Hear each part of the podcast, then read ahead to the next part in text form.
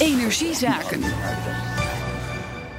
Energiezaken, dinsdag is het. Energiespecialist Remco de Boer is bij me. Goedemiddag Remco, Hi, mooi dat je er bent. Roelof. Laten we even beginnen met de uitspraak van het eh, gerechtshof in Leeuwarden over de NAM. De NAM moet de waardedaling van huizen in het aardbevingsgebied meteen vergoeden. Niet, hoeven niet te wachten tot ze verkocht worden, meteen vergoeden. Ehm, en dat is wel iets waar ze in Groningen heel blij van zijn geworden deze ochtend. Zeker. En eh, ik denk in Assen, het hoofdkantoor van de NAM, niet. Minder, denk ik, Dit, ja. eh, we zijn al een beetje gewend aan de bommetjes en de bommen die inslaan. Maar dit is er wel weer één hoor. 2015 is de uitspraak al geweest eh, door de rechter. Mhm. Hoge beroep door de NAM. Die zegt nu dat dat vonnis staat. En dat kan zomaar even een vonnis zijn van een miljard. Een miljard. Een miljard. Er zijn wat berekeningen gedaan. Eh 950 miljoen, een miljard. Nou ja, weet je, pak een beter 100 miljoen of 200 miljoen. Maar dit gaat dus over heel erg serieus geld. Ik verwacht ook wel dat ze in cassatie zullen gaan, moet ik heel eerlijk zeggen. Ik weet Mhm. niet, ik ben de hele ochtend bezig geweest met bellen en lezen en doen. En, en mensen spreken over dit, maar ook waar we het zo over gaan hebben. Eh, dus het is nog een beetje onduidelijk hoe de, hoe de NAM zal reageren. Maar dit is echt zeer aanzienlijk. Slaat in Ja. als een bom. Eh, hoe erg is een, eh, een schadevergoeding van een miljard betalen voor NAM?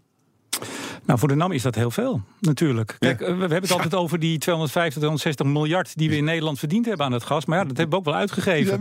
Dat is weg. Eh, en de NAM is een, is een privaat bedrijf. Ik bedoel, de staat zit er ook in. Hè? Wij zitten er ook in. Wij halen nog steeds als staat, als Nederlanders, jij en ik, halen de meeste winst uit dat gas.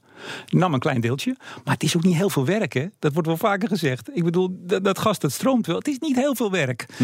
Maar er komt waarschijnlijk toch wel eens een punt. Ik heb dat niet zo lang geleden in een persbijeenkomst aan eh Gerald Schotman, de baas van NAM, gevraagd. Nou, wa- wanneer gaan de deuren dicht?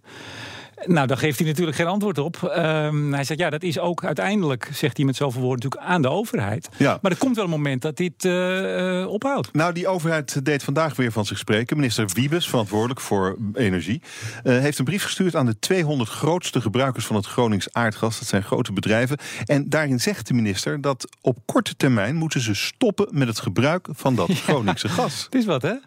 Ja, over, over bommetjes gesproken. Tweede bommetje. Ja, absoluut.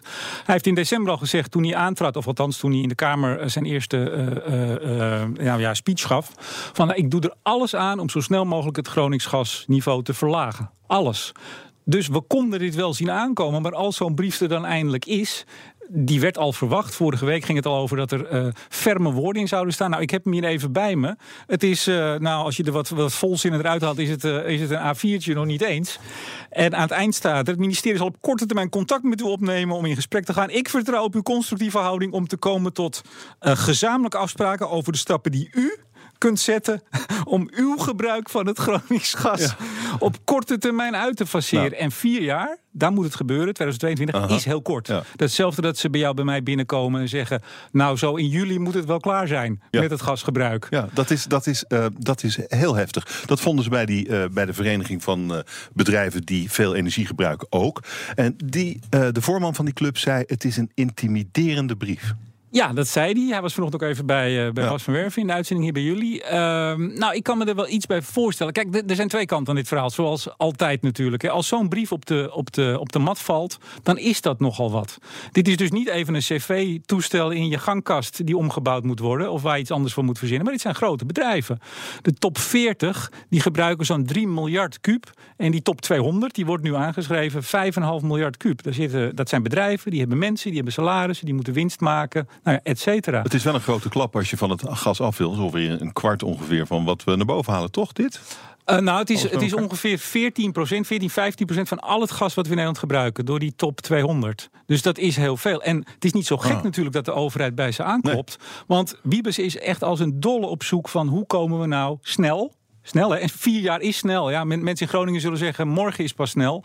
Maar vier jaar is echt heel snel. Hoe komen we er vanaf? Ja. En dan heb je een paar mogelijkheden. En één is natuurlijk grootverbruikers zo snel mogelijk iets anders laten Ja. doen. Maar dan is de vraag: eh, kunnen die grootverbruikers zo snel omschakelen? Zijn er alternatieven die zo snel eh, geïmplementeerd kunnen worden? Nou, Russisch gas, denk ik dan. Nou ja, kijk, twee dingen. Het, het mooiste zou natuurlijk zijn als we meteen helemaal van het gas afgaan. Dat is natuurlijk de agenda die we hebben. Naar 2050, elektrificeren, met groen- groene energie, met groen gas misschien. Maar dat kost gewoon heel veel tijd. Dat ga je niet binnen vier jaar doen. Het alternatief is inderdaad dat je, dat weet je, we hebben het Groningsgas, dat is laag calorisch. Het buitenland is hoog calorisch en ook van de Noordzee komt hoog calorisch. En dan moet je stikstof bij doen om dat de kwaliteit te maken. Dus dan kun je twee dingen doen. Dan kun je zeggen, nou, we gaan de toestellen, de gasketels bij die grote bedrijven ombouwen, zodat ze ook dat hoogkalorisch gas aan kunnen. Ja, of je gaat zeggen, we gaan dat uh, hoogkalorisch gas, gaan we stikstof bijmengen. Nou, en dan kom je ook weer bij iets, en daar gaat dit over, Roelof, ja. geld, heel veel geld. Een stikstoffabriek bouwen, dat zou iets zijn. Kost 500 miljoen. Drie jaar klaar. Ja, en, en, maar eh, dat, de minister zegt niet dat hij dat wil gaan doen. Hij legt het helemaal bij die bedrijven neer. Wat, wat...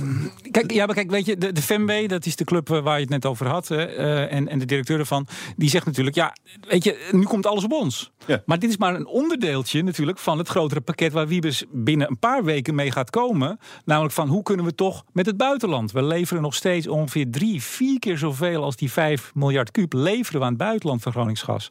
In Duitsland, België zijn ze al aan het Ja, dus de stemmen gaan nu ook op, ja, als ze het daar kunnen, waarom kunnen we het hier dan niet? En uiteindelijk gaat dit, ik zei het net al even, natuurlijk gewoon over geld. Uh, er ligt een hoogkalorisch netwerk al in Nederland van gas. Want we hebben het ook van de Noordzee. Dus dat is niet Groningen gas, maar dat andere gas. Mm Russisch gas, hè, dat is hoogkalorisch. Daar ligt al een netwerk. Maar sommige bedrijven, zei Wiebes onlangs nog in de Kamer... liggen wel tientallen kilometers daar vandaan. Nou, ga maar even een, een pijpleiding leggen uh, van 30 kilometer. Dat doe je ook niet even op een, op een achternamiddag. Ik, ik dacht wel uh, vanmorgen, uh, wat deze minister hier doet voor, tegen die bedrijven...